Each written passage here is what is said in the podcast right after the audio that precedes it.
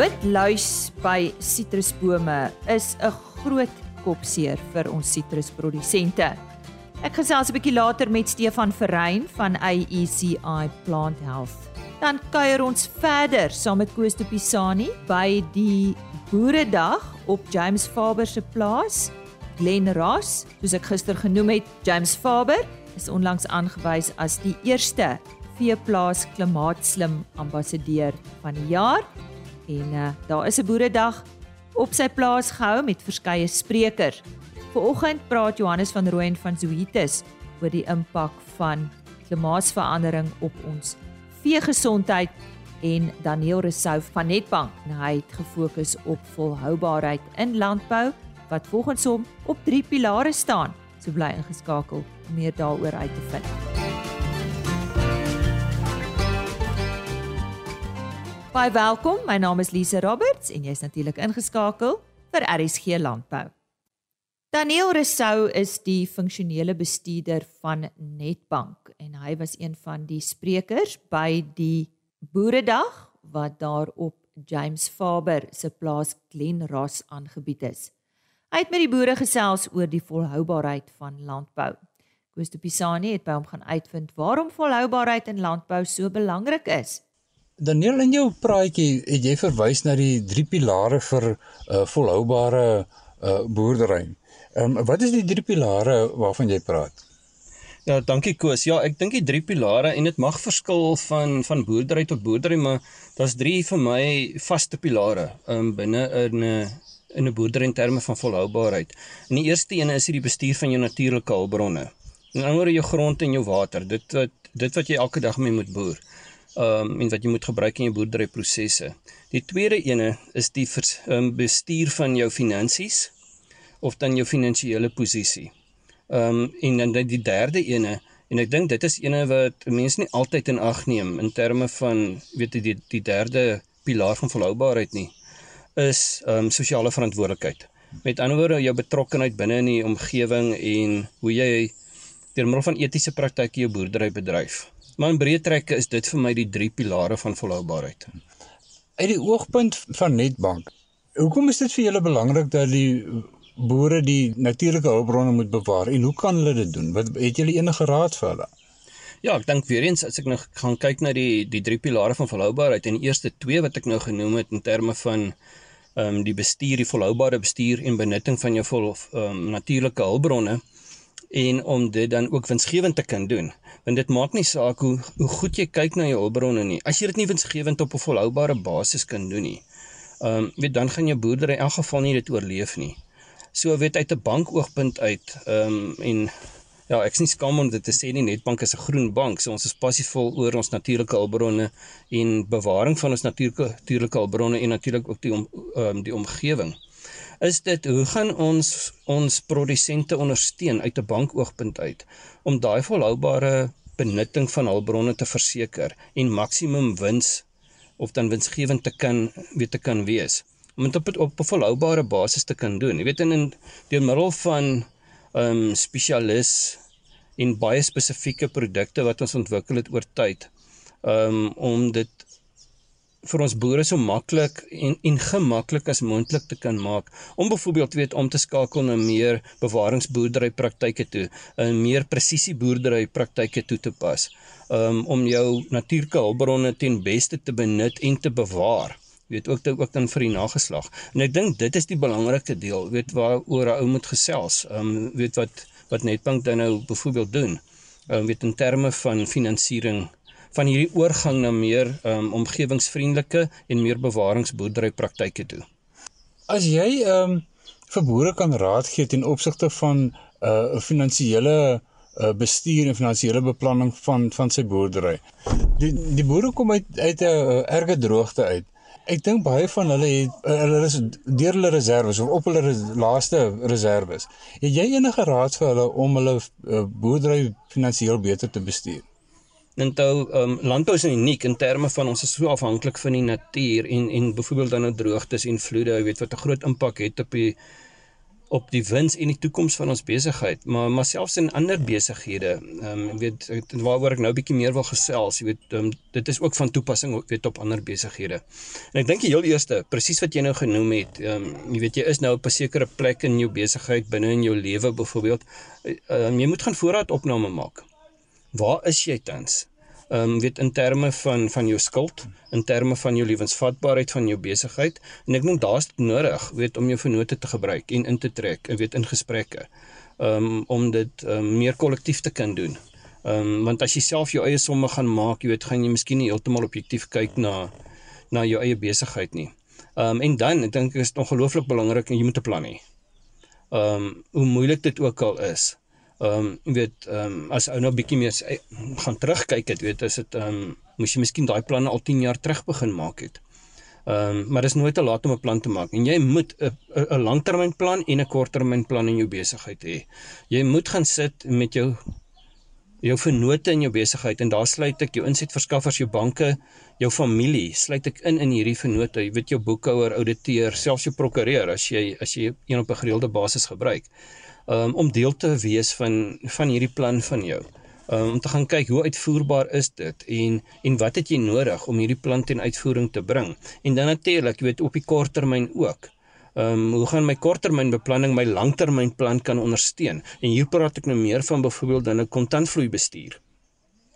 Hoe gaan ek my kontantvloei bestuur so so maklik as moontlik maak en so sag as moontlik maak? Om te kan uitbrei oor tyd of dan byvoorbeeld te gaan kyk moet ek kan ek bekostig um, om weet net vir 'n jaar of twee te gaan stil sit in terme van verdere uitbreiding net bietjie meer te kan konsolideer voordat ek weer my besigheid gaan verder groei. Maar as jy alreeds in 'n situasie is wat jy finansiëel baie swaar kry, um, is dit nie die maklikste gesprek um, om te hê ongelukkig nie. Maar ek dink nog steeds jy moet jou vennote ken jou vennote in jou besigheid weer eens jou insetverskaffers, jou krediteure, jou bank wat eintlik jou grootste vennoot in jou besigheid is, om te gaan kyk hoe kan ek my my skuld byvoorbeeld herstruktureer oor tyd. Dit mag jou moontlik beteken dat ek 'n stapie terug sal moet vat, weet in my in in, in my beplanning, maar laat ons kan kyk, weet om miskien 'n bietjie meer gemaklike strukturering van my skuld te kan doen om my kontantvloei so sag as moontlik te maak. Maar in dieselfde asem dan ook, jy weet, te gaan kyk maar hoe gaan ek dan volhoubaar my besigheid kan groei oor die langer termyn en hier moet 'n ou byvoorbeeld begin kyk na meer effektiewe benutting van my water. Jy weet, is dit wat ek gebruik tans die mees effektiewe metodes en en en toerusting wat ek gebruik? Gaan kyk na jou byvoorbeeld iets soos hernubare energie. Ons weet hoe duur Eskom deesdae is. Kan ek dit op 'n ander manier doen om dit vir my goedkoper te maak byvoorbeeld? Kan ek meer produseer met minder? En dit beteken dan ook te gaan kyk na tegnologie weet nuwe tegnologieë, meer presisie boerdery praktyke. Ek weet dit is nie altyd moeilik uh, maklik nie. Uh, my bestuur laat dit nie altyd toe nie, my finansies laat dit miskien nie altyd toe nie.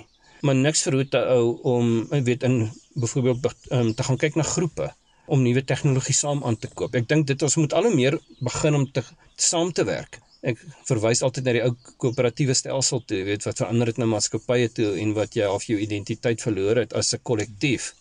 Om weer te begin kyk na daai dinge want ek dink dit raak al hoe belangriker weet ehm um, as ons gaan kyk na volhoubare groei in die toekoms.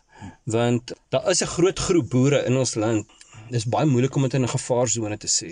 Maar dit is boere wat moet regtig gaan kyk van hoe gaan ek kan waarde toevoeg met dit wat ek doen en hoe gaan ek myself relevant kan hou in 'n landbousektor wat ons sien dat ons boerdery eenhede elke jaar groter word en die getal boere elke jaar minder word as gevolg van ehm um, kontantvloei druk en as gevolg van ekonomie van skaal. En dit is ongelukkig die realiteite wat met ons is. Dit het seker nou ook baie verwysing na na jy het gepraat van jou sosiale verantwoordelikheid wat ons het. Is is mens nou praat van hierdie uh groepe vorm om die die die koöperasie koöperatiewe groepe vorm. Uh is dit wat jy bedoel het daarbey as jy gesê het ons moet ons sosiale verantwoordelikheid ook nakom?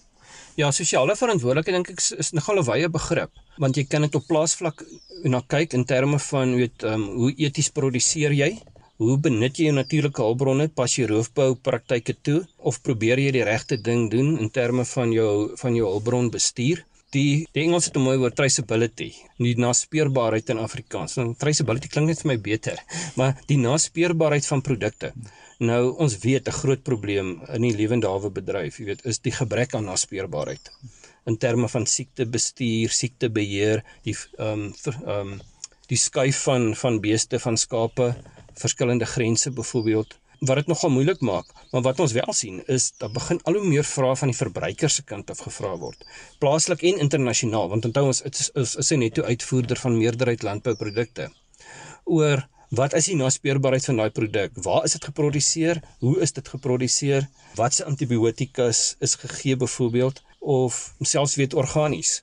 Um, hoe organies is is die produk ge, um, geproduseer?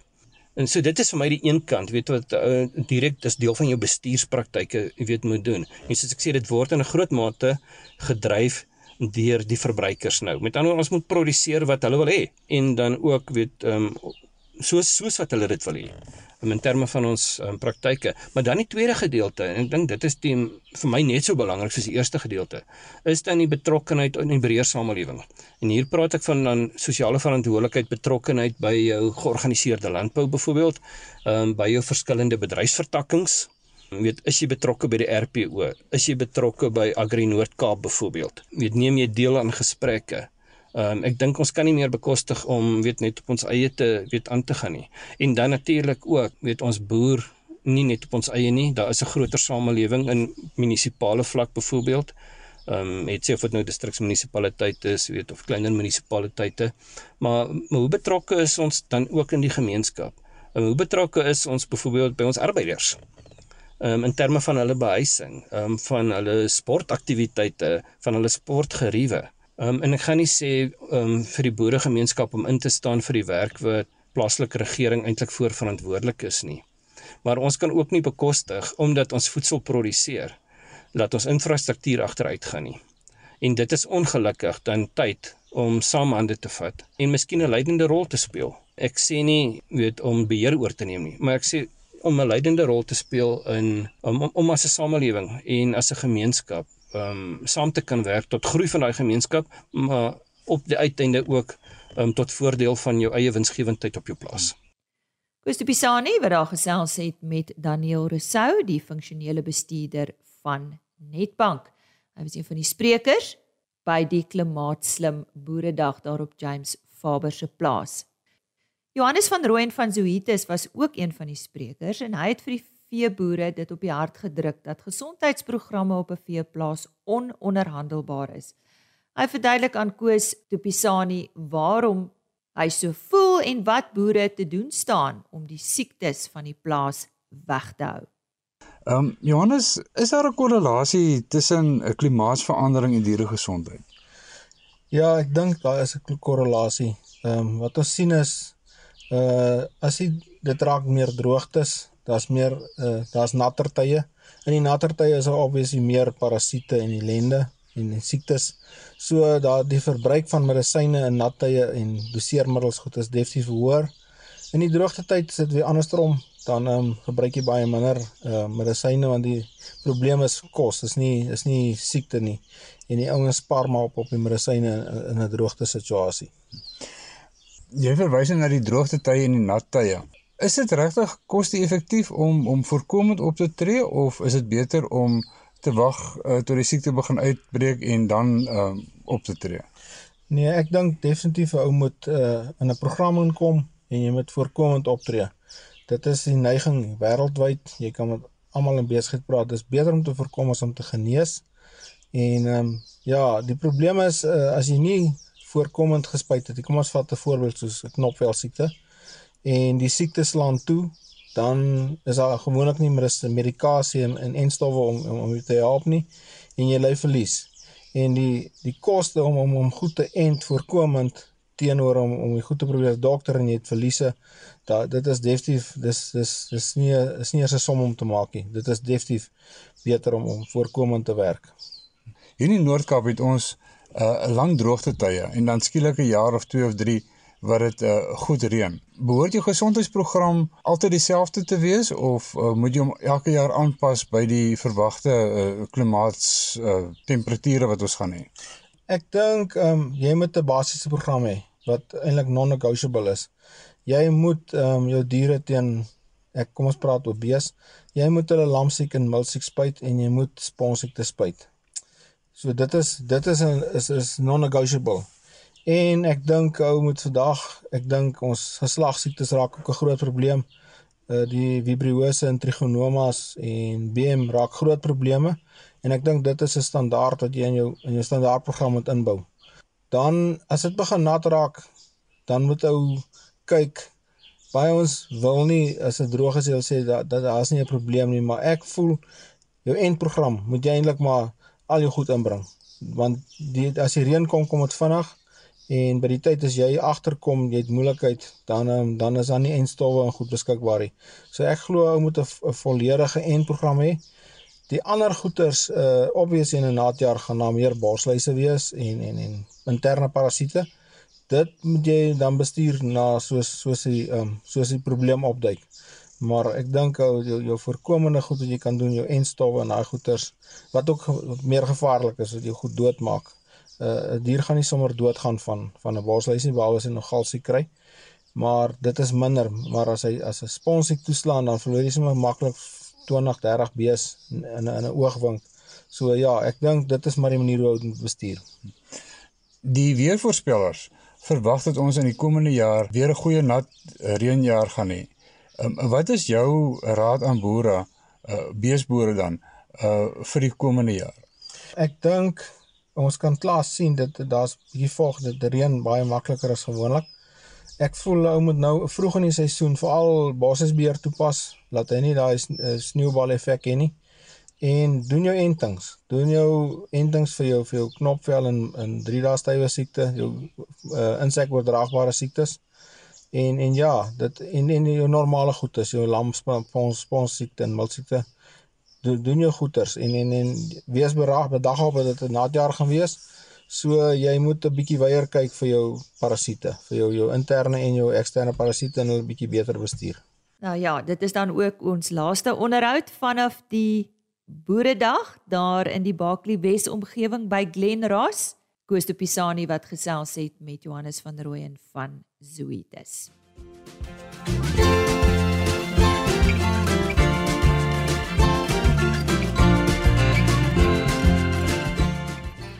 Nou ja, ons sitrusprodusente weet van witluis, 'n groot probleem en 'n groot kopseer.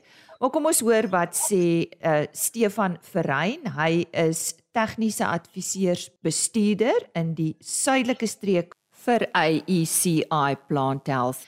Stefan, welkom by RC Landbou. Goeiemôre. Dankie dat jy vandag met ons oor hierdie onderwerp gesels. Hoekom is witluis 'n probleem in 'n sitrusboom? Môre Lise, ja, dit is 'n probleem. Daar's direkte effekte uh en indirekte effekte. Die direkte effekte is vrugval. Uh as witluis erg is, kry ons vrugval, ons kry misvormde vrugte en ons kry ook onreëlmatige opkleur van vrugte uh, net voor oes. Die indirekte effekte is maar meer kosmeties van aard, so dis iets wat nie vir ons mooi lyk nie. Uh as 'n witluis voed dan skei hy heuningdou af. Dis 'n soet vloeistof en hierdie heuningdou lok mure. Ehm um, die mure is vir ons 'n probleem want dit gaan in die bome in en dit versteur ons natuurlike vyande wat wel op die witluis voed en hulle verminder en hulle beheer. Uh, en dan die ander probleem is roetskimmel. Roetskimmel is 'n swam, uh, dis 'n saprofiet, so dis nie regtig 'n 'n 'n siekte nie, maar dit is 'n swam wat 'n swart ehm um, kleur op die vrugte veroorsaak wat ons ook nie van hou nie. Uh die laaste probleem met witluis is baie um, afhangende van die spesies van witluis, die tipe witluis. Uh dit kan ook 'n fitosanitêre, sekere van ons tipe witluise is 'n fitosanitêre plaag en ek sal bietjie later verduidelik wat presies dit beteken. So waar begin die beheer van witluis? Witluis begin die belangrikste is maar monitering. Dis maar waar die waar dit begin uh om te weet wat aangaan. En hoekom is monitering so belangrik? Ehm um, monitering is belangrik. Ons moet weet hoe erg is die probleem? Uh sit ons met 'n klein probleem, sit ons met 'n groot probleem en ook dan wanneer het die witluise voorkom? En ook belangrik watter tipe witluis teenwoordig is. So dit gaan ons alles vasstel met monitering. Stefan, maar hoe doen ons monitering? Ehm um, monitering word gewoonlik gedoen met lokvalle, ehm um, met lokmiddels binne in die lokvalle wat dan die uh, mannetjies vang. Ehm uh, um, dan sodoende bepaal ons ook wanneer is die piek mannetjie vangste. So basies wanneer hy toeneem en as jy daai draaipunt kry wanneer dit weer afneem, is wanneer ons die piek mannetjie vangste kry. En saam met hierdie piek mannetjie vangste gebruik ons ook daggrade modelle om dan te bepaal wanneer is die tyd van kruiperbeweging. Ehm um, die daggrade modelle gaan ek nie in detail in nie, maar is basies die temperatuur minimum en maksimum wat ons gebruik uh, met 'n paar wiskundige sommetjies saam met soos ek genoem het met die mannetjie piekvangste uh, bepaal ons dan die tyd van kruiperbeweging. Dan is daar ook um fisiese monitering uh en dit is basies om in die boor te gaan stap en op die bome te gaan kyk wat gaan aan en die rede daarvoor is om die om die druk te bepaal hoe erg is hoe hoe groot is die witluis probleem en dan ook om die tipe witluis te bepaal. Stefan jy sê die die bepaling van tyd van kruiperbeweging is so belangrik. Hoekom? Die rede vir dit is dat baie van ons um, chemiese produkte is die mees effektiefste uh in daai kruiperbeweging tyd. So soos die soos die ehm um, witluis ehm um, oorgaan in sy lewensiklus na volwasse stadium, uh word hy moeiliker beheer. Uh en dis ook die tyd wanneer ons hom moet beheer voor ons 'n populasie ontploffing kry, uh wanneer dit uh, te vinnig toeneem en dit is ook die tyd wanneer die witluise baie um, vinnig versprei. So as ons hom daar kan beheer, uh, dan kry ons minder verspreiding en en 'n uh, nie so groot probleem uh, met met witluis nie. En dan is die identifisering van die tipe witluis is belangrik sê jy hoekom? Ja, dis baie belangrik. Op sitrus kry ons gewoonlik die sitruswitluis. Ons kry die langstert witluis, uh in sommige gevalle die oleander witluis en ook die karoodoring witluis. Maar dis baie belangrik want sekere tipes uh van hierdie witluis is fitosanitêre plaag. Ehm um, en wat ek daarmee bedoel is dit is hy kom nie voor in byvoorbeeld ander lande waarna toe ons uitvoer nie. Uh so hulle wil hom ook nie daar hê nie en en dit is hoekom die beheer so belangrik is. Ehm um, en en ook dan die die identifisering laat ons seker maak as ons daai fitosanitêre witluis hier het, laat ons hom goed beheer, laat ons hom nie stuur na lande wat hom nie wil hê nie. Ehm um, dan ook sekere van die witluise, ons moet weet watter tipe witluis, sekere van die tipe witluise is moeiliker om te beheer. Ehm um, as ons gaan kyk na die lewensiklus byvoorbeeld van 'n langstert witluis, uh produseer hy nie eiertjies soos die ander witluise nie. Hy gaan direk oor van 'n volwasse stadium na 'n kruiper of 'n nimf en en ehm um, as ons hom dan nou nie ehm um, daar vinnig kry nie, dan gaan hy baie vinnig versprei en hy's ook moeilik om te beheer. En dan soos ek ook genoem het, die keuse van die produk ehm um, gaan ook dan nou as ons weet watter tipe witluis is, uh dit gaan ons ook weet watter produk om te kies om hierdie witlys te beheer. Stefan nou na die identifisering moet die lewensiklus bestudeer word. Gesels met ons daaroor en hoekom sê jy is dit belangrik?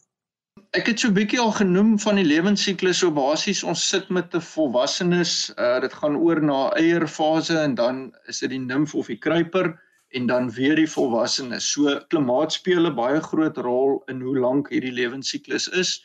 So gewoonlik in die warmer periodes het beweeg die lewensiklus 'n bietjie vinniger en dan die oorgang van byvoorbeeld eier na nimf of van 'n nimf na volwassene gebeur dan vinniger. So ons moet weet wat kom wanneer voor en hoe vinniger dit beweeg juis om dan nou daai beheer uit te oefen in die kruiperstadium omdat dit moeiliker is om hom te beheer in die volwasse stadium en dan in sekere gevalle is daar ook ehm um, uh oorvleueling van van generasies. So soos ek genoem het die vroeë stadium, die kruipers hulle beheer makliker. Ehm um, en dan is daar ook sekere tye waar die witluis kan wegkruip. Baie van die witluise kruip weg in 'n later stadium onder die kelkblare van die vrug en dan s'hy moeilik om te beheer en dan ook in die navelente van jou navellemoene en hulle is ook dan moeilik om te beheer. So dit is hoekom ons moet weet hoe vinnig beweeg hierdie lewensiklus en wanneer kom wat voor? Nou goed, die vraag, hoe kan witluis beheer word? Ja, met witluisbeheer uh, volg ons maar 'n geïntegreerde strategie. Ehm um, dit is baie moeilik om witluis te beheer net met chemiese produkte. So ons gebruik 'n kombinasie van chemiese produkte, ons gebruik uh biologiese produkte wat bietjie bietjie sagter is op die omgewing. Ehm um, dan maak ons ook baie staat op natuurlike vyande wat natuurlik in die veld voorkom en dis ook belangrik met die uh keuse van ons chemiese produkte laat ons nie ehm um, uh, 'n negatiewe effek op hierdie natuurlike vyande het nie. So ons wil nie chemie toedien wat ons natuurlike vyande kan doodmaak nie. En dan die laaste gebruik ons ook ehm um, natuurlike vyande wat ons uh, kan vrylaat. So ehm um, weer eens as ons weet watter tipe witluis kom voor, ons weet watter stadium kom voor, ons weet hoe die hoe hoog die druk is, dan is daar 'n keuse van verskillende natuurlike witluis predatore of natuurlike vyande wat ons kan vrylaat en soos ek genoem het ons gebruik maar die geïntegreerde strategie dis maar die beste uh, beheeropsie vir witluis. Die stem daarvan is Stefan Verrein. Hy is tegniese adviseursbestuurder vir AECI Plant Health in die suidelike streek. Vir meer inligting, besoek gerus hulle webtuiste www.aeciph.com. Daai PH staan vir Plant Health. A E C I P H.com. En so gaan die tyd ook baie vinnig verby. Dankie vir jou tyd vanoggend en dat jy saam gekuier het. Ek kuier graag môreoggend weer saam met jou. Selfde tyd, selfde plek, 5uur net hier op RSG. Kom ek sluit af met 'n e-posadres en webtuiste. RSG Landbou by plaasmedia.co.za. Dis e-posadres en dan die uh, volledige RC landbouprogram op rsg.co.za spotgooi beskikbaar. Alternatiefelik welkom om www.agriorbit.com te raadpleeg. Onderhoude word daar afsonderlik gelaai. Totsiens. RSG Landbou is 'n plaas media produksie met regisseur en aanbieder Lize Roberts en tegniese ondersteuning deur Jolande Rooi.